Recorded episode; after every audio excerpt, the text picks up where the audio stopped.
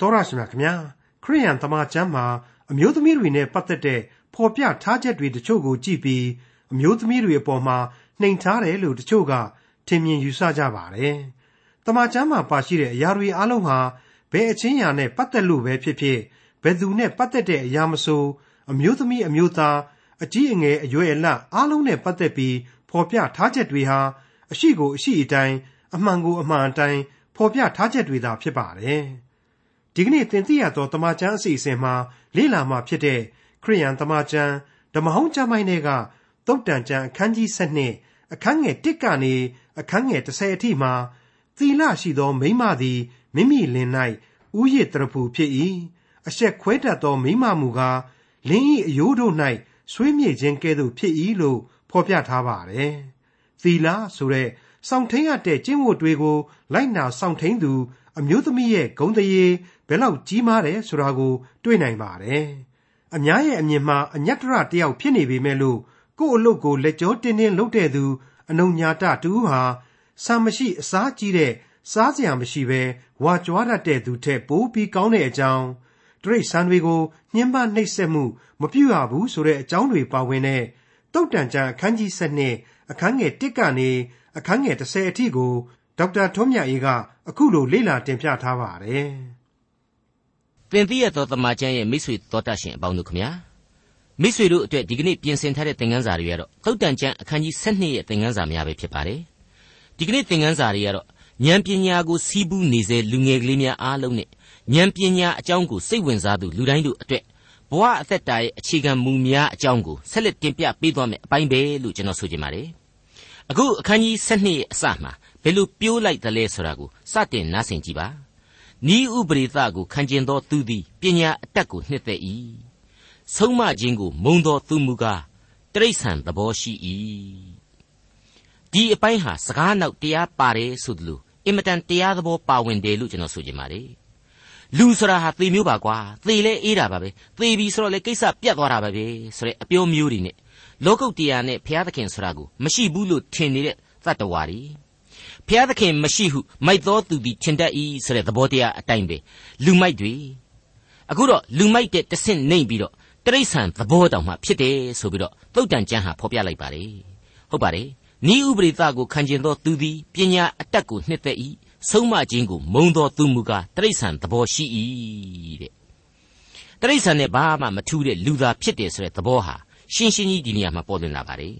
ပြီးတော့ လူသားရဲ့အသက်တာဟာကာလရှည်ကြာရင်ရှည်ကြာသလောက်ဘုရားသခင်ကိုချင်းကပ်သွားရမယ်ဆိုတဲ့သဘောလေးတက်ရောက်တယ်လို့ကျွန်တော်ဆိုချင်ပါတယ်ဟုတ်ပါတယ်အသက်ပဲဘလောက်ကြီးနေနေဘုရားသခင်ကိုယုံကြည်ကိုးကွယ်သူဟာအစဉ်တစိုက်နှုတ်ကပတ်တော်ကိုဖတ်ရှုရမှာဖြစ်ပါတယ်တနည်းအားဖြင့်ကျွန်တော်တို့နှုတ်ကပတ်သမာကျမ်းစာတော်မြတ်ကိုကြီးပဲကျွန်တော်ဆိုလိုတာမဟုတ်ပါဘူးနော်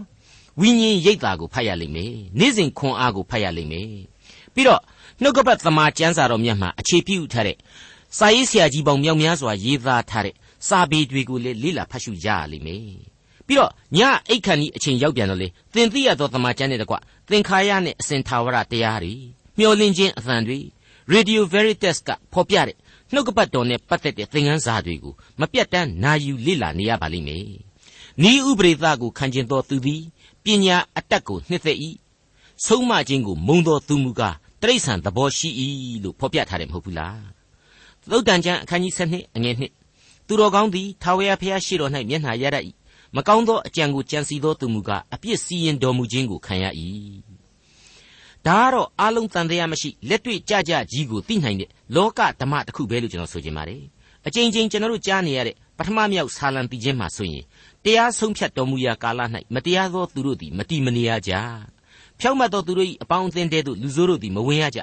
အကြောင်းမူကားဖြောက်မတ်သောသူတို့၏လမ်းကိုထာဝရဘုရားသိကျွမ်းတော်မူ၏မတရားသောသူတို့၏လမ်းသည်ဆုံးရှုံးခြင်းသို့ရောက်ရလိမ့်သည်ဆိုပြီးတော့ဖော်ပြထားပါတယ်ပြီးခဲ့တဲ့သုတ်တန်ကျမ်းအခန်းကြီး7ရဲ့ဏိဂုံးကျမ်းပိုက်ကလေးဟာလေပြန်ပြီးတော့ဒီနေရာမှာသတိရစရာဖြစ်လာပါတယ်။ဖြောင့်မတ်သောသူပင်လျှင်မြေကြီးပေါ်မှာအပြစ်စီရင်ခြင်းဆိုတာဟာခံရစမြဲဖြစ်တယ်။မတရားပြုမှုတတ်တဲ့လူတွေနဲ့အပြစ်ထင်ရှားသူတွေအဖို့ကတော့အထူးဆိုးပွဲမရှိတော့ဘူးဆိုတဲ့အချက်ပါပဲ။မိတ်ဆွေအပေါင်းတို့ ကကာလကုံဆုံးချိန်မှာကယ်တင်ရှင်သခင်ခရစ်တော်ဟာမြေကြီးပေါ်ကိုတရားစီရင်ဖို့ရန်ကြွဆင်းလာအောင်မှာဖြစ်ပါတယ်။အဲ့ဒီအချိန်ကာလဟာဘယ်အချိန်ဖြစ်မလဲဆိုတာကိုဘယ်သူမှမသိနိုင်ပါဘူးမပြောနိုင်ပါဘူးဘေးတွင်တွက်တယ်လို့လည်းတွက်လို့မရနိုင်ပါဘူးဒါပေမဲ့ကြွလာတော်မူတဲ့အချိန်နဲ့တရားစီရင်ခြင်းဆိုတာရှိမယ်ဆိုတာကိုတော့နှုတ်ကပတ်တော်ဟာအခိုင်အမာဖော်ပြထားပါတယ်အလွန်ထင်ရှားပြတ်သားတဲ့ဗျာဒိတ်တော်တွေဟာအဆက်ဆက်သောကျမ်းအဆူဆူတို့မှလည်းပါဝင်နေပြီဖြစ်ပါတယ် တန်တရားဘာမှရှိเสียမလို့တဲ့အဲ့ဒီဗျာဒိတ်တော်တို့ပြည့်စုံရအချိန်ကာလကိုကျွန်တော်လူသမိုင်းဟာဥခိုက်လျှောက်သွားနေရပါတယ်ကျွန်တော်ဟာဘုရားသခင်ရဲ့အလိုတော်နဲ့အညီပညာသတိနဲ့ဒီအချိန်ကာလကိုစောင့်စားနေကြမှာသာဖြစ်ပါတယ်ဆုတောင်းလျက်စောင့်နေကြမှာဖြစ်ပါတယ်အငယ်၃လူသည်ဒုစရိုက်အဖြစ်မြဲမြံခြင်းသို့မရောက်ရဖြောင့်မတ်သောသူ၏အမြင့်မှုကမရွေ့ရလောကရန်မုန်တိုင်းကြီးရဲ့အလဲမှာလူသားတိုင်းလူသားတိုင်းဟာ ကိုသွားသူသွားအတူတူချင်းသွားလာနေကြရတာဖြစ်ပါတယ်သေခြင်းပန်းနိုင်ကိုအတူတူခြိတက်သွားနေရတာဖြစ်ပါတယ်လွှဲရှောင်လို့မရနိုင်ပါဘူးဒါပေမဲ့ရက်တီတဲ့နေရာမှာတော့ဖြောင့်မတ်သူနဲ့မဖြောင့်မတ်သူတို့ဟာဖြောင့်ပြောင်ကြီးဆန့်ကျင်သွားတယ်ခြားနာသွားကြပါတယ်အသက်တာတစ်ခုဟာခရစ်တော်အပေါ်မှာအခြေပြုမယ်ဆိုရင်တော့လူဘဝမှာကျေးဇူးတော်ကိုခံရမှာဖြစ်တယ်လို့နောင်ကပ်ကာလမှာလေသာဝရအသက်ကိုပါအသေးချာရယူနိုင်မှာမလွဲဧကံဖြစ်ပါတယ် ဒါနဲ့ပတ်သက်ပြီးတော့တောင်ပေါ်ဒေသနာနဲ့အကျုံးဝင်တဲ့ရှင်မသက်ခရစ်ဝင်မှာခရစ်တော်အခုလိုဖော်ပြခဲ့ပါတယ်ရှင်မသက်ခရစ်ဝင်ကျမ်းအခန်းကြီး9အငယ်24မှ29အတွင်းမှာအကျဉ်သူသည်ငါဟောပြောသောဤစကားကိုကြား၍နားထောင်တတ်၏ထိုသူသည်ကြောက်ပေါ်မှအိမ်ဆောက်သောပညာရှိနှင့်တူကြောင်းကိုငါပုံပြမည်မိုးရွာ၍ရေစီးသည်နှင့်လေလာ၍ထိုအိမ်ကိုတိုက်သည်ရှိသောကြောက်ပေါ်မှတည်သောကြောင့်မပြူမလဲနေ၏ အကျဉ်သူသည်ငါဟောပြောသောဤစကားကိုကြား၍နားမထောင်ဘဲနေ၏ထိုသူသည်သဲပေါ်မှအိမ်ဆောက်သောလူမိုက်နှင့်တူကြောင်းကိုငါပုံပြမည်မိုးရွာ၍ရေစီးသည်နှင့်လေလာ၍ထိုအိမ်ကိုတိုက်သောအခါကြီးစွာသောပြိုလဲခြင်းသို့ရောက်လေသည်ဟုဟောတော်မူ၏ကျွန်တော်ရဲ့ဘဝအသက်တာတွေမှာဒီသင်ခန်းစာဟာလက်တွေ့သင်ခန်းစာပဲလို့ကျွန်တော်ဆိုချင်ပါတယ်ကျွန်တော်ပတ်ဝန်းကျင်မှာလှည့်ကြည့်လိုက်ရင်ဒီအတိုင်းနဲ့တွေ့နေရပါတယ်ခရစ်တော်ဒီဟုသောကြောက်ပေါ်၌သာ ကိုယ်အသက်တာဘဝအသီးသီးကိုခိုင်မာစွာအမြင့်ဆွဲအောင်ချထားကြပါစို့လို့တိုက်တွန်းအားပေးလိုက်ပါရစေအခုအချိန်မှာတော့လူငယ်လူရွယ်ကလေးတွေအတွက်ဘဝအသက်တာမှာမရှောင်သာတဲ့အိမ်တောင်ရေးဆိုင်ရာအဆုံးအမတစ်ခုကိုတွေ့ရတော့မှာဖြစ်ပါတယ်သုတ်တန်ကျမ်းအခန်းကြီး7အငယ်၄သီလရှိသောမိမသည်မိမိလင်၌ဥယျတရဖူဖြစ်၏အရှက်ခွဲရသောမိမမူကားလင်ဤအယိုးတို့၌ဆွေးမြေ့ခြင်းကဲ့သို့ဖြစ်၏ကျွန်တော်ရဲ့အမတော်သူတယောက်ဟာ ကျမ်းစာမှာမိမတွေကိုခဏခဏနှိမ်တယ်ဆိုပြီးတော့ဘုရားသခင်ကိုစိတ်ကောက်တတ်ပါတယ်အထူးသဖြင့်ဒီအပိုင်းမှာမိမတွေကိုနှိမ်တယ်ပေါ့အဲ့ဒါနဲ့ပဲကျွန်တော်ကနှိမ်သလားမနှိမ်သလားတော့မသိဘူးမမကြီးသီလရှိတဲ့မိမတယောက်ဟာယောက်ျားရဲ့ဥယျတရဖူလို့တောင်မှဆိုထားတယ်သေသေးချာလည်းဖတ်ကြည့်ပါအောင်ခမညာလို့ပြောယူရပါတယ်အမှန်တော့အဲ့ဒီအမကြီးကလည်းဘုရားသခင်ကိုတော့ယုံကြည်ကိုးကွယ်ပါတယ်ဒါပေမဲ့ငကိုတဲ့ကကတ်သက်သက်လှုပ်တတ်တဲ့မြင်ရှိတဲ့သူမဟုတ်လို့ကကတ်သက်သက်မြင်တာကိုပြောတာပါပဲသူ့ရဲ့အတွေ့ပေါ့ အဲ့ဒါနဲ့ပဲကျွန်တော်ကလည်းအခုလိုနှိုက်နှိုက်ချွတ်ချွတ်စဉ်းစားပြီးတော့အဖြေပေးရခြင်းပဲဖြစ်ပါတယ်ဒါအပြင်ပညာသတိဉာဏ်ပညာဆိုတာဒီကိုရှီသို့မဟုတ်သူမဆိုပြီးတော့တောင်မှတင်စားထားတယ်နန်းစားအဖြစ်အသုံးပြုထားတယ်ဆိုတဲ့အကြောင်းတွေကိုပါအဲ့ဒီအမကြီးကိုကျွန်တော်ရှင်းပြရပါတယ်ဒီတော့မှပဲအမကြီးကလည်းသဘောတွေပဲကြာပြီးပြုံးသွားတာကိုကျွန်တော်တွေ့ကြရပါတယ်မိတ်ဆွေအပေါင်းတို့ခင်ဗျာအေဖက်ဩဝါဒစာအခန်းကြီး9နဲ့6တို့မှာတုန်းကဆိုရင်မိမနဲ့ယောက်ျား မိဘနဲ့သားသမီးဆိုတာတွေကိုဘုရားသခင်ကဘလောက်အထိတရားမျှတစွာအဆုံးအမပြုတယ်ဆိုတာကိုကျွန်တော်တို့မြင်ခဲ့ရပြီးဖြစ်ပါတယ်လူသားတို့ဘုရားသခင်ဩဝါဒပြုရာဆုံးမရမှာဘလောက်အထိဝိညာဉ်တော်ဟာသဗ္ဗယမျှတညီညွတ်စွာနဲ့ဖော်ပြပေးခဲ့တယ်ဆိုတာဒီကိုကျွန်တော်တို့ရှင်းရှင်းလင်းလင်းဒီအေဖက်ဩဝါဒစာတွေမှာတွေ့ကြရပြီးပါပြီအခုဆိုရင်မိမဆိုတဲ့မိမတယောက်အကြောင်းကိုဖော်ပြရမှာသူ့ရဲ့ဂန္ဓဟာဘလောက်အထိကြီးမြင့်တယ်ဆိုတာကိုပါဒီကျမ်းချက်ဟာဖော်ပြလိုက်တယ်လို့ကျွန်တော်အလေးနဲ့ခံယူမိပါတယ်စဉ်းစားကြည့်ပါ မိမတယောက်ရဲ့အရေးအချင်းဟာသူ့လင်ယောက်ျားအတွက်တရဖူလည်းဖြစ်နိုင်တယ်သူ့ယောက်ျားရဲ့အယိုးတွေကိုလည်းဆွေးမြေ့ပြက်သုံးစေနိုင်တယ်ဆိုပါလားဘလောက်အောင်အဖို့ကောင်းလဲဒါဟာဒီမိမရဲ့အရေးပါအရာရောက်မှုဟာအတိုင်းအဆမရှိနိုင်ဘူးဆိုတာကိုရှင်းရှင်းလင်းလင်းသုတ်တန်ဩဝါဒစာဖော်ပြလိုက်တာပါပဲကျွန်တော်ဓမ္မသမိုင်းကိုလည်းပြန်ကြည့်ရင်လေးနဲ့ကျွန်တော်တို့တွေ့နိုင်တာတွေအများကြီးရှိပါတယ်စာရာလို့အမည်ရှိတဲ့ဣသရေလလူမျိုးတို့ရဲ့မတိုင်မီကမိခင်ကြီးယောခေဘက်အမည်ရှိတဲ့မောရှေရဲ့မိခင်ကြီးအပအဝင် ယူသဘာသရှေဘမာရိစတဲ့မိခင်ကြီးတွေရဲ့အကြောင်းတွေဟာသမိုင်းမှတ်တိုင်မှာမမေ့နိုင်ပွဲတွေဖြစ်ခဲ့တယ်အဲ့ဒီအမျိုးသမီးကြီးတွေဟာလူမျိုးတော်ရဲ့ဖခင်ကြီးတွေနဲ့အတူသမိုင်းမှာတရဖူဆောင်းခဲ့တယ်ဆိုတဲ့အချက်တွေကိုကျွန်တော်တို့မိနိုင်ပွဲမရှိပါဘူးကျွန်တော်တို့လေ့လာခဲ့ပြီးဖြစ်တဲ့ယောဘဝတ္ထုကိုပြန်စဉ်းစားလိုက်မယ်ဆိုရင်အဲ့ဒီယောဘဝတ္ထုထဲမှာစာရမဏတ်ဟာအကုန်လုံးကိုသာဖျက်ဆီးပစ်တယ်ဆိုပေမဲ့ဒီယောဘရဲ့မိမကိုတော့မဖျက်ဆီးနိုင်ခဲ့ဘူး အဲ့ဒါဟာဘုရားသခင်တမင်ရှောင်ကွင်းစေခဲ့တာဖြစ်နိုင်တယ်ဆိုတဲ့အကြောင်းကိုကျွန်တော်ဖော်ပြခဲ့ပါသေးတယ်ဟုတ်ပါတယ်ယောဘကိုနောက်ဆုံးပိတ်မှာသားသမီးတွေပြန်လဲရယူနိုင်စေဖို့ဒီမိမဟာလိုအပ်နေတယ်နှစ်ဆသောကောင်းကြီးမင်္ဂလာအဖြစ်သားသမီးတွေပြန်မွေးဖွားပေးဖို့အတွက်ဒီမိမဟာမရှိမဖြစ်လိုအပ်နေတယ်ဒါကြောင့်ဘုရားသခင်ဟာတမင်ကောင်းကြီးမင်္ဂလာအဖြစ်ဒီမိမကိုခြံရစ်စေခဲ့တာပဲစာရလက်ကနေလွတ်အောင်လို့တမင်ဒီမိမကိုထိမ့်သိမ့်ပေးခဲ့တာပဲလို့ကျွန်တော်ဖော်ပြခဲ့ပါသေးတယ် ဟုတ်ပါတယ်မိတ်ဆွေအပေါင်းတို့လောကကြီးမှာဘုရားသခင်ဟာယောက်ျားမိန်းမမခွဲပါဘူးအတူတူလူသားအချင်းချင်းကိုကောင်းကြီးပေးတာပါပဲအခုဆက်လက်ပြီးတော့သုတ်တန်ကျမ်းကဖော်ပြချက်ကိုနားဆင်ကြည့်ကြပါအောင်စို့သုတ်တန်ကျမ်းအခန်းကြီး7အငယ်9နဲ့6ဖြောင့်မတ်သောသူ၏အကြံသည်ဖြောင့်၏မတရားသောသူပေးသောအကြံမူကားမှုသာဖြစ်၏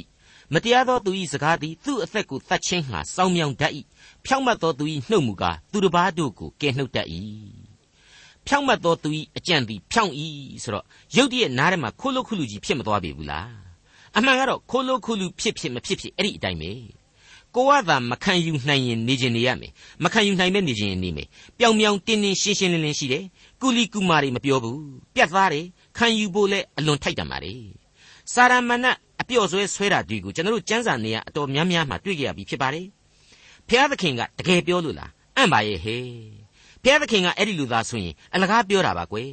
မျက်စိတွေပွင့်လင်းပြီးတော့မင်းတို့သူ့လူဖြစ်လာမှာကိုသူသိလို့တားတာပါတဲ့အေဝါကိုအဲ့ဒီအတိုင်းစာရမဏတ်ပြောခဲ့တယ်အပြော့ဆွဲလေးဆွဲတဲ့သဘောအချော့ကြိုက်တဲ့အေဝါကနေစပြီးတော့ဆွဲတရားဟောခဲ့တဲ့သဘောပဲဖျားသခင်ကတော့ဘယ်လိုပြောထားသလဲစာရန်လူပြော့ပြဲပြဲတစ်ချက်မှမပြောဘူးထိုအပင်ဤအသီးကိုမစားရစားသောနေ့တွင်အမှန်သေရမည်တဲ့ပြောတဲ့အတိုင်းလည်းတစ်ချက်မှမလွယ်ဘူးနော် လူသမိုင်းဟာသေခြင်းလောကရန်ကိုအဲ့ဒီအချိန်ကာလကစပြီးတော့ဘယ်လို့မှမရှောင်နိုင်အောင်တသမတ်ထဲအတီဖြစ်သွားခဲ့ရတယ်အဲ့ဒီအတိုင်းပါပဲဓမ္မသမိုင်းကဣသရေလနိုင်ငံအာဟပ်ဘုရင်အကြောင်းကိုမိတ်ဆွေတို့မှတ်မိကြသေးတယ်မဟုတ်ဘူးလားပရောဖက်ကြီးမိခါကိုလေဒီကနေ့ကြီးဟာငါ့ကိုဟောလိုက်မှဖြင့်တခါမှအကောင်မပြောဘူးပြောလိုက်မှဖြင့်နမိတ်မရှိနမာမရှိကြီးပဲတဲ့အဲ့ဒါနဲ့သူ့ကိုဆွေမျိုးချင်းမဟာမိတ်ဖွဲ့ပြီးတော့ ဂိလတ်ဆိုတဲ့တခြားဆွေနီးမျိုးဆက်နိုင်ငံကိုစစ်သွားတိုက်မယ်လို့ပြင်ဆင်နေတဲ့ယူဒဘရင်ယောရှဖတ်ကနေပြီးတော့ဟာဒီလိုဘယ်ဟုတ်မလဲဗျာသူလဲပရောဖက်ကြီးတပါးပဲခင်ဗျမေးမြန်ကြည့်သင်သေးတာပေါ့ဆိုတော့မှမိခါကိုခေါ်ပြီးတော့အနာဂတ်အတွက်မိခါရဲ့အမြင်ကိုမလွှဲမရှောင်တာပဲနဲ့မေးရတယ်တူးမြစ်တာတူးမှာဆိုတယ်လို့ပေါ့အဲ့ဒီပရောဖက်မိခါကလည်းအာဟဘရင်ကိုကြည့်သိမရဘူးအဲ့ဒါနဲ့ရွဲ့ပြီးတော့ပထမပိုင်းမှာခမရတိုက်တာတိုက်အောင်လိမ့်မယ်ဆိုပြီးတော့ပြောတော့ဒီအာဟဘရင်ကရွဲ့မှန်းသိတယ် ခမရကြီးမရွဲ့ပါနဲ့ဗျာအမှန်အတိုင်းပြောပါတဲ့အဲ့တော့မှမိခါကလည်းအမှန်အတိုင်းပြောလိုက်တာအာဟတစ်ချက်မှမသက်သာဘူးအာဟဘရင်အတွက်တခုမှကောင်းတာမရှိဘူးအရှင်မင်းကြီးခမရဂီးလက်သွားတိုက်ရင်တော့အဲ့ဒါခမရနောက်ဆုံးခရီးပဲခမရကိုတိုက်တာတိုက်ပါဆိုပြီးတော့တခြားခမရစိတ်ကြိုက်ပရောဖက်လူလိန်လူညာတွေကဝိုင်းပြီးမြှောက်နေတာတွေဟာခမရသေနေစီမှန်သိလို့ဘုရားသခင်ကအဲ့ဒီလူတွေကိုတမင်ခိုင်းနေတာဆိုပြီးတော့ဒေတိုကြီးအဖြေပေးလိုက်ပါလေရောတယ် အဲ့ဒီလိုဒေတိုကြီးခမရမသွားနဲ့သေလိုက်မယ်ဆိုတဲ့မိခါကိုအာဟတ်ဘယင်ကချက်ချင်းချီးမြှင့်တယ်ဘယ်လိုချီးမြှင့်လဲသိလားထောင်ထဲသွင်းထလိုက်ငါပြန်လာမှလွတ်စီတဲ့အဲ့ဒါတောင်မှမိခါဟာစိတ်မဆိုးရှာပါဘူးဘုရားသခင်ရဲ့ပရောဖက်ပြီးပြီးဘလောက်တောင်မှဖြောင့်မတ်တယ်ထင်တယ်လေထောင်ထဲကနေလှမ်းអော်ပြီးတော့တားသေးတယ်မရဘူးအာဟတ်ဘယင်ကဇောင်းဇောင်းဇောင်းဇောင်းနဲ့ယောရှဖတ်ကိုလက်တွဲပြီးတော့ဂိလက်ကိုသွားပြီးတော့စစ်တိုက်ပါလေရောပြောလို့မှဘာမှမကြပါဘူးနော် အဲ့ဒီရှေ့တန်းစစ်မြေပြင်မှာသူများကရန်တန်ပန်တန်ပြစ်လိုက်တဲ့မြားတစင်းဟာရုပ်ဖြတ်ထားလို့ဘသူမှအာယုံမဆိုင်တဲ့အာဟတ်ဘယင်ရဲ့တန်ကြက်ကအင်ဂျီဒဲကိုဆိုက်ဆိုက်မြိုက်မြိုက်ဆိုတယ်လို့ဇွိကနေဝင်မှန်ပြီးတော့အာဟတ်တယောက်ကာကနေသေပါလေရောအဲ့ဒီမှာတင်သူ့ရဲ့သွေးတွေကိုတောင်မှခွေးတွေရက်တဲ့ဘဝကိုရောက်ခဲ့ရတယ်မသူတော်အာဟတ်ကိုပေါင်းပြီးတဲ့ယူရဘရင်ယောရှဖတ်တယောက်လဲနော် ဖနှောက်နဲ့တင်ပါတသားတဲ့ကြအောင်ပြေးနိုင်လို့သာလွတ်ခဲ့ရတယ်ဆိုတဲ့ဖြစ်ရတွေးကိုဓမ္မရာဇဝင်တတိယစာဆောင်ရဲ့ဏီကုန်းပိုင်းလောက်မှာပြန်ပြီးတော့ကျွန်တော်ဖတ်ရှုနိုင်ပါလေကဲဖျားသခင်ဘက်တော်သားမိခါရဲ့အကြံဉာဏ်ဟာဖြောင့်တယ်မင်းမြောင်ပရောဖက်နတ်သမားပရောဖက်400ရဲ့အကြံတွေဟာမှုသာဒေကြီးပဲဖြစ်တယ်ဆိုတာကိုသမိုင်းဟာဖော်ပြထားပါတယ်လူမိုက်ဟာလူမိုက်ရဲ့မှုသာကိုပဲကြိုက်တတ်တယ်ဆိုတဲ့သဘောတဘာဝဟာလေဒီဓမ္မသမိုင်းအရာရှင်းနေပြီမဟုတ်ဘူးလားမိษွေအပေါင်းတို့ခမညာ ဖြောက်မှတ်ခြင်းတရားကိုဖြောက်မှတ်တဲ့စိတ်နဲ့ခံယူဖြောက်မှတ်တဲ့သမာတရားလမ်းအတိုင်းရှောက်သွားဖို့သင်ခန်းစာများကိုရယူကြပါစို့သုတ်တန်ကျမ်းအခန်းကြီး7ငွေ9မတရားသောသူ၏အိမ်သည်ပြိုလဲပျောက်ပြက်ခြင်းဖြောက်မှတ်သောသူ၏အိမ်မူကားအမြဲတည်ခြင်းရှိတတ်၏အမြဲတည်တယ်ဆိုတဲ့အိမ်ဒီကမ္ဘာလောကကြီးမှာဘယ်မှာတွေ့ဘူးပါသလဲအခုသုတ်တန်ကျမ်းကတော့အမြဲတည်တယ်မှန်ပါတယ်မြေလောကမှာမတည်နိုင်တဲ့အိမ်ဟာကောင်းကင်နိုင်ငံတော်မှာ အနန္တကာလတလျှောက်လုံးတည်ရှိရပါလိမ့်မယ်သုတ်တန်ကျမ်းအခန်းကြီး7အငယ်8လူသည်ဉာဏ်ပညာရှိသည့်အတိုင်းချီးမွမ်းခြင်းကိုခံရ၏သဘောကောက်သောသူမူကားမထီမဲ့မြင်ပြုခြင်းကိုခံရ၏ဒီအပိုင်းမှာကျတော့တရားသူကြီးမှတ်စာတဲ့ကတရားသူကြီးဂီတောင်ရဲ့မွန်မြတ်သောစိတ်ဓာတ်အလျောက်တစ်မျိုးသားလုံးအချီးအမွမ်းခံခဲ့ရတာကိုသတိရစရာဖြစ်ပါတယ်ဂီတောင်ဟာဣသရေလကိုဥဆောင်ပြီးတော့ရန်သူတွေကိုခြေမှုန်းခဲ့တယ်ဖျားသခင်ရဲ့စကားတော်ကိုနားထောင်ခဲ့ပါတယ် သူသေးရင်သူသားတွေကိုဘယင်ဖြစ်စေဖို့ဆိုတဲ့စိတ်မျိုးတောင်မှမမွေးခဲ့ရှာဘူးဆိုတာဒီကိုကျွန်တော်တို့တွေ့ကြရပါတယ်ဒီအကြောင်းတွေကိုတရားသူကြီးမှတ်စာအခန်းကြီး၈အငယ်22ကနေ26အတွင်းမှာပြန်ကြည့်မယ်ဆိုရင်အခုလိုမှတ်တမ်းမှတ်ရာနဲ့တွေ့ကြရပြီဖြစ်ပါတယ်ထိုအခါဣသရေလလူတို့ကကိုတော်သည်အကျွန်ုပ်တို့ကိုမိဒရန်လူတို့လက်မှကယ်နှုတ်သောကြောင့်သားစဉ်မြေးဆက်နှင့်တကွအကျွန်ုပ်တို့ကိုအုပ်ဆိုးတော်မူပါဟုဂီတောင်အားလျှောက်ဆိုကြသောဂီတောင်ကငါသည်သင်တို့ကိုမအုပ်ဆိုးရ ငါသားလည်းမအုပ်ဆိုးရထာဝရဘုရားသည်သင်တို့ကိုအုပ်ဆိုးတော်မူရ၏ဟု၍၎င်းတို့ရတွင်သင်တို့ရှိသမျှသည်လူယူ၍ရသောနှဒေါင်းတို့ကိုပေးပါမည်အကြောင်းငါတောင်းကျင်သည်ဟု၍၎င်းဆိုလေ၏ရန်သူတို့သည်ဣရှမေလအမျိုးဖြစ်၍ရွှေနှဒေါင်းကိုဆင်တတ်ကြသည်သူတို့ကလည်းစင်စစ်ပေးပါမည်ဟုဆိုလျက်စောင်းကိုခင်း၍လူအပေါင်းတို့သည်မိမိတို့လူယူ၍ရသောနှဒေါင်းများကိုချထားကြ၏ ဂီတောင်တောင်းသောရွှေနှဒေါင်းများအချိန်ကအခွက်18ပိတ်သာရှိ၏ထိုမှတပါမိဒရန်မင်းကြီးဝတ်ဆင်သောတစားလေဆွဲနီမောင်းသောအဝတ်ကလအုပ်လေကြိုးများကိုရသေး၏ဒီမှတ်တမ်းမှတ်ရာတွေဟာသူတို့ရဲ့ခေါင်းဆောင်ကြီးဂီတောင်ကိုဣသရေလတွေကဝိုင်းပြီးတော့ချီးမြှောက်ခဲ့ကြတယ်တရားသူကြီးခက်ကဖြစ်ရမှန်တစွန်းတစပါပဲဒါပေမဲ့အဲ့ဒီဂီတောင်ရဲ့သားအဘိမလက်ကျတော့ပြောင်းပြန်စနစ်နဲ့ဒီပြိဿကဝိုင်းပြီးတော့မုန်းကြပြီဣသရေလလူမျိုးတော်ဟာဝိုင်းပြီးတော့မုန်းကြပြီ သူကအာနာကိုသိပ်ပြီးတော့မက်တယ်လေအဲ့ဒီတော့အဖေလက်နဲ့ရေးထားတာတွေကိုခြေနဲ့ဖြတ်တယ်ညီအကိုအရင်ခောက်ခောက်တွေးကိုအဲ့ဒီညီအကိုအရင်ခောက်ခောက်ကလည်းဂီးတောင်ကမိမတွေများတော့80တောင်ရှိတယ်ဆိုပါလားအဲ့ဒီညီအကိုအရင်ခောက်ခောက်80ကိုသတ်ပြီးတော့အာနာလူတယ်အဲ့ဒီထက်ကယောသန်ဆိုတဲ့လူကလေးတယောက်ပဲသူ့ညီလေးတယောက်ပဲပုံနိုင်လို့လွတ်ခဲ့ရတယ်အဘိမလက်ဟာအဲ့ဒီလောက်အထိရဲရဲဆက်ဆက်တိုင်းပြည်ကိုအုပ်ချုပ်ခဲ့တယ်သူ့အဖေဂီးတောင်တို့ကလူတွေချစ်တဲ့လောက်သူ့ကြတော့လူတွေမုန်းတယ်အဲ့ဒါနဲ့ပဲဣသရေလနိုင်ငံမှာလေ ခုနှစ်ရဲ့သားသမီးတွေဒီအဘိမလက်ကြောင့်စိတ်ဆင်းရဲရလွန်းလို့နောက်ဆုံးကျတော့တစ္ဆာဖောက်တာတွေကိုခံရပြီးတော့ရှေခင်ဆိုတဲ့မြို့ကလေးမှာသွားပြီးတော့မရှုမလသေခဲ့ရတယ်ဆိုတာတွေကိုတရားသူကြီးမှတ်စာမှာတွေ့ရပါတယ်ဒါတွေကိုတရားသူကြီးမှတ်စာအခန်းကြီး9ကနေ9အတွင်းမှာအသေးစိတ်ပြန်လှန်လေ့လာနိုင်ပါတယ်အခန်းကြီး9အငယ်51ကနေ59အတွင်းမှာသူ့ရဲ့ဏိဂုံးအကြောင်းကိုအခုလိုဖော်ပြထားတာတွေ့နိုင်ပါတယ်ထိုနောက်မှအဘိမလက်သည်သေဘက်မြို့သို့သွား၍တတ်ချပြီးဖြင့်တိုက်ယူလေ၏ တို့ရာတွင်မြို့ထဲမှခိုင်ကန့်သောရဲတိုက်တစ်ခုရှိ၍မြို့သားယောက်ျားမိန်းမအပေါင်းတို့သည်ထိုရဲတိုက်ထဲသို့ပြေးဝင်ကြ၏တကားကိုလည်းပိတ်ထား၍ရဲတိုက်အပေါ်သို့တက်ကြ၏အဘိမလက်သည်ရဲတိုက်ကိုလာ၍တိုက်လျက်ရဲတိုက်တကားကိုမိရှုခြင်းဟာချင်းကပ်သောအခါမိန်းမတယောက်သည်ကြိတ်ဆုံကြောက်တစ်ဖက်ကိုအဘိမလက်ခေါင်းပေါ်သို့ပစ်ချ၍ဥကောင်းကုံပောက်ကွဲလေ၏သူသည်လက်နက်ကိုင်းလူလင်ကိုအလျင်အမြန်ခေါ်၍မိမသည်အဘိမလက်ကိုသတ်သည်ဟုပြောเสียမရှိစေခြင်းဟာ သင်ဓာကိုထုတ်၍ငါကိုသတ်လော့ဟုဆိုသည့်အတိုင်းလူလင်သည်ထိုး၍အဘိမလက်သေလေ၏အဘိမလက်သေကြောင်းကိုဣသရေလလူတို့သည်သိမြင်လျင်အသီးအသီးမိမိတို့နေရာသို့ပြန်သွားကြ၏ထို့သောအဘိမလက်သည်မိမိညီအကို80တို့ကိုတတ်၍ပြုမိသောဒုစရိုက်အပြစ်ကိုဘုရားသခင်ဆက်ပေးတော်မူ၏ရှေခင်မျိုးသားပြုသောဒုစရိုက်အပြစ်ကိုလည်းသူတို့ခေါင်းပေါ်သို့ဘုရားသခင်သက်ရောက်စေတော်မူသဖြင့်ယေရုတ်ဘာလသားယောသန်ကျိန်သောစကားအတိုင်းသူတို့သည်ခံရကြ၏ မိษွေတော်တတ်ရှင်အပေါင်းတို့ခမညာသမိုင်းပေးသောသင်ခန်းစာတွေပါပဲဒီနေရာမှာရှင်းနေပါပြီလူသည်ဉာဏ်ပညာရှိသည့်အတိုင်းအချီးအမွမ်းခံရမည်သဘောကောက်ရင်လေကောက်တလောက်ဒုက္ခရောက်ရလိမ့်မည်ဆိုတဲ့သင်ခန်းစာဟာအဲ့ဒါပါပဲသုတ်တန်ကျမ်းအခန်းကြီး7အငယ်8ကိုဆွဲဆွဲမြဲမြဲမှတ်သားစေခြင်းပါတယ်လူသည်ဉာဏ်ပညာရှိသည့်အတိုင်းချီးမွမ်းခြင်းကိုခံရ၏သဘောကောက်သောသူမူကားမထီမဲ့မြင်ပြုခြင်းကိုခံရ၏ အခုချိန်မှာတော့သုတ်တန်ကျမ်းအခန်းကြီး7အငယ်9ကိုဆက်လက်တင်ပြပါရစေစားเสียမရှိဘဲဝါကြွားသောသူတဲ့အသရေမရှိကိုအလုတ်ကိုလှုပ်ရသောသူသည်မင်္ဂလာရှိ၏ဒီနေရာမှာအသရေမရှိကိုအလုတ်ကိုကိုလှုပ်တဲ့လူဆိုတော့အငင်းပွားเสียဖြစ်နေပါတယ်အချင်းမှားเสียဖြစ်နေပါတယ်အမှန်မှာကတော့လူတွေကဝိုင်းပယ်ခံထားရတဲ့အဆင့်ကအပေခံတယောက်အကြောင်းကိုဆိုလိုတာပါလူတွေဘလောက်ပဲအထင်သေးသေးလူကြွားလူဝါနဲ့စာရင်တော့အလုတ်ကိုလက်ကြောတင်းအောင်လုပ်တယ် ရိုးသားတယ်ရှောက်ပြီးတော့ကြွားဝါမနေဘူးဆိုတဲ့လူမျိုးဟာမင်္ဂလာရှိတယ်လို့ဆိုလိုတာပဲဖြစ်ပါတယ်ဒါဟာလေအလွန်သဘာဝကျတဲ့အတွက်ကြောင့်ဘုရားသခင်ဟာလူတွေကိုမမေ့အောင်လို့ထည့်သွင်းဖော်ပြတာပါမိษွေတို့ကျွန်တော်တို့ကိုယ်တိုင်ဟာလေအဲ့ဒီလိုပဲလူကြွားစည်ရင်တဲမှာအသွင်းမခံရရင်တော်လှပြီလို့ထင်လောက်အောင်လောကကြီးဟာအကြွားအဝါထူပြောလှတယ်လို့ကျွန်တော်ထင်ပါတယ်လူပြောမတန်လူသံမပြောတဲ့မြန်မာစကားပုံတစ်ခုရှိပါတယ်တချို့ကြတော့လေလူနေခြုံကြားစိတ်နေပုံပြတဲ့ အမှန်တော့လူကမွဲနေပြီမြဲစိတ်ထားမြင့်မြတ်လို့စိတ်နေပုံပြဆိုရင်တော့ကောင်းပါလေအဲ့ဒီလိုမဟုတ်ဘဲနဲ့ကို့မှာဖြင့်ဘာဆိုဘာမှကြွားเสียဝါเสียမရှိဘဲနဲ့အချောက်တိုက်ဘဝင်မြင့်နေရင်တော့မှားပြီမင်္ဂလာမရှိနိုင်တော့ပါဘူးကျွန်တော်အထက်မြန်မာနိုင်ငံမှာနေခဲ့တုန်းကစိုက်ကားဆရာတယောက်ကိုကျွန်တော်ကြုံခဲ့ဘူးပါတယ်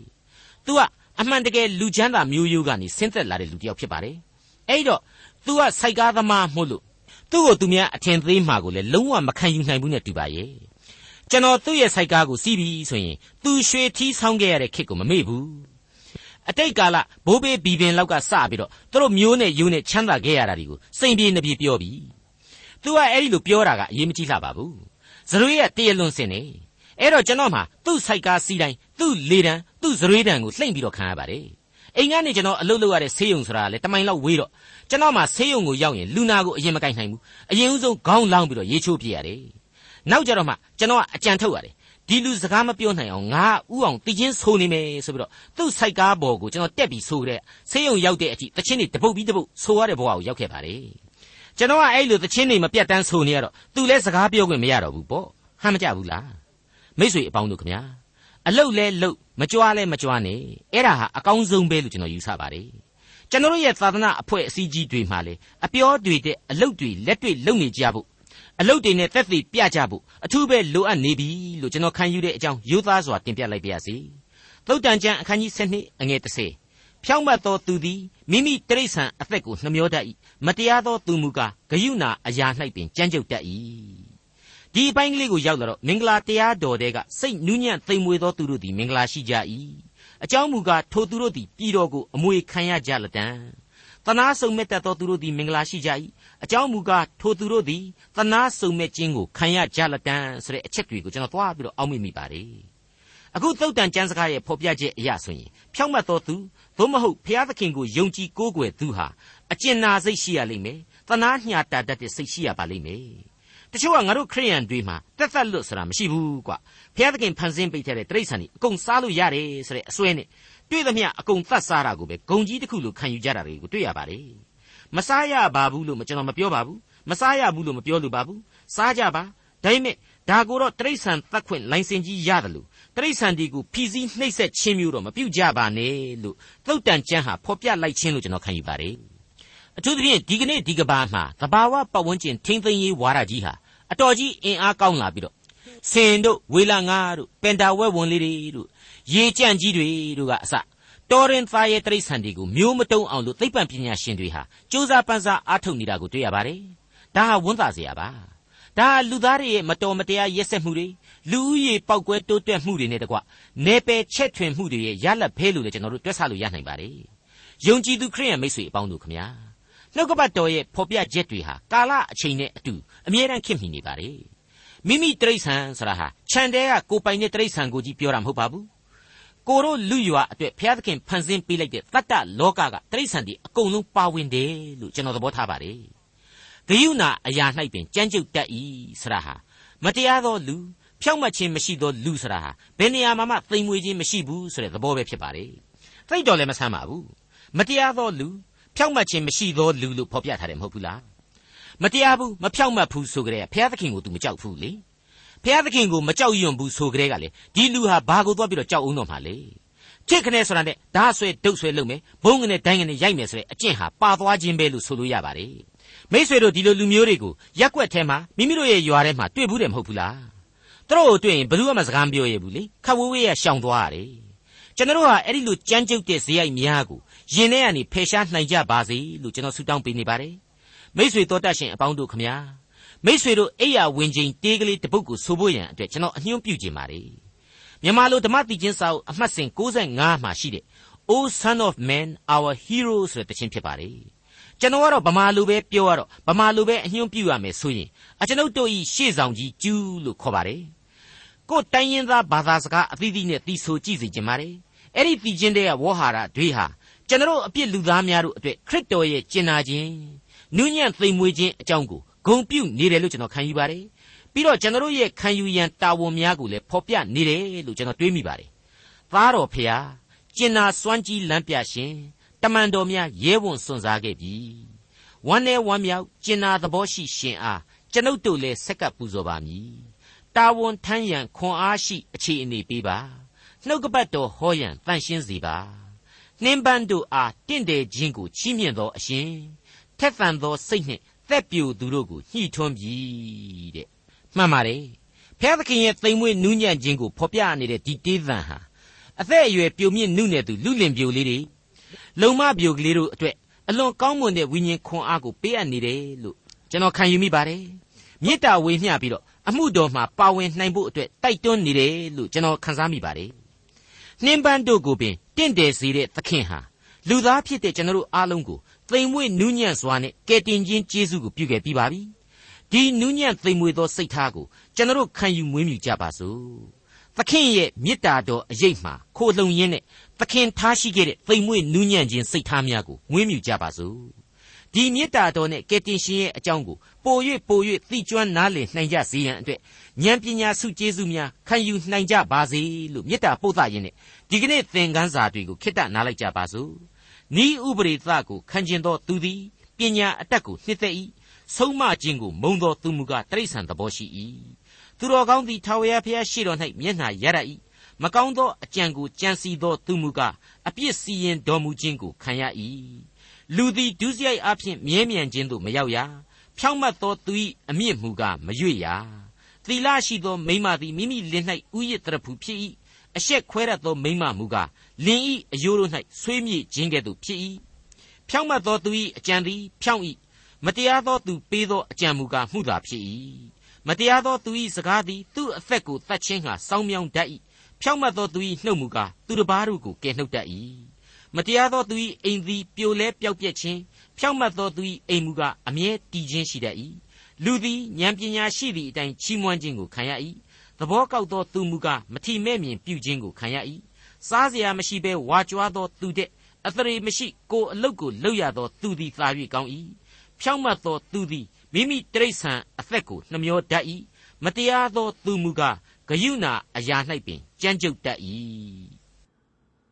ဒေါက်တာထွန်းမြတ်ရေးစီစဉ်တင်ဆက်တဲ့တင်ပြတော်တမချန်းအစီအစဉ်ဖြစ်ပါတယ်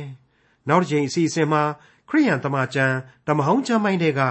တုတ်တန်ကျမ်းအခန်းကြီး7အခန်းငယ်7ကနေအခန်းငယ်28အထိကို လေ့လာမှာဖြစ်တဲ့အတွက်စောင့်မျှော်နားဆင်နိုင်ပါတယ်။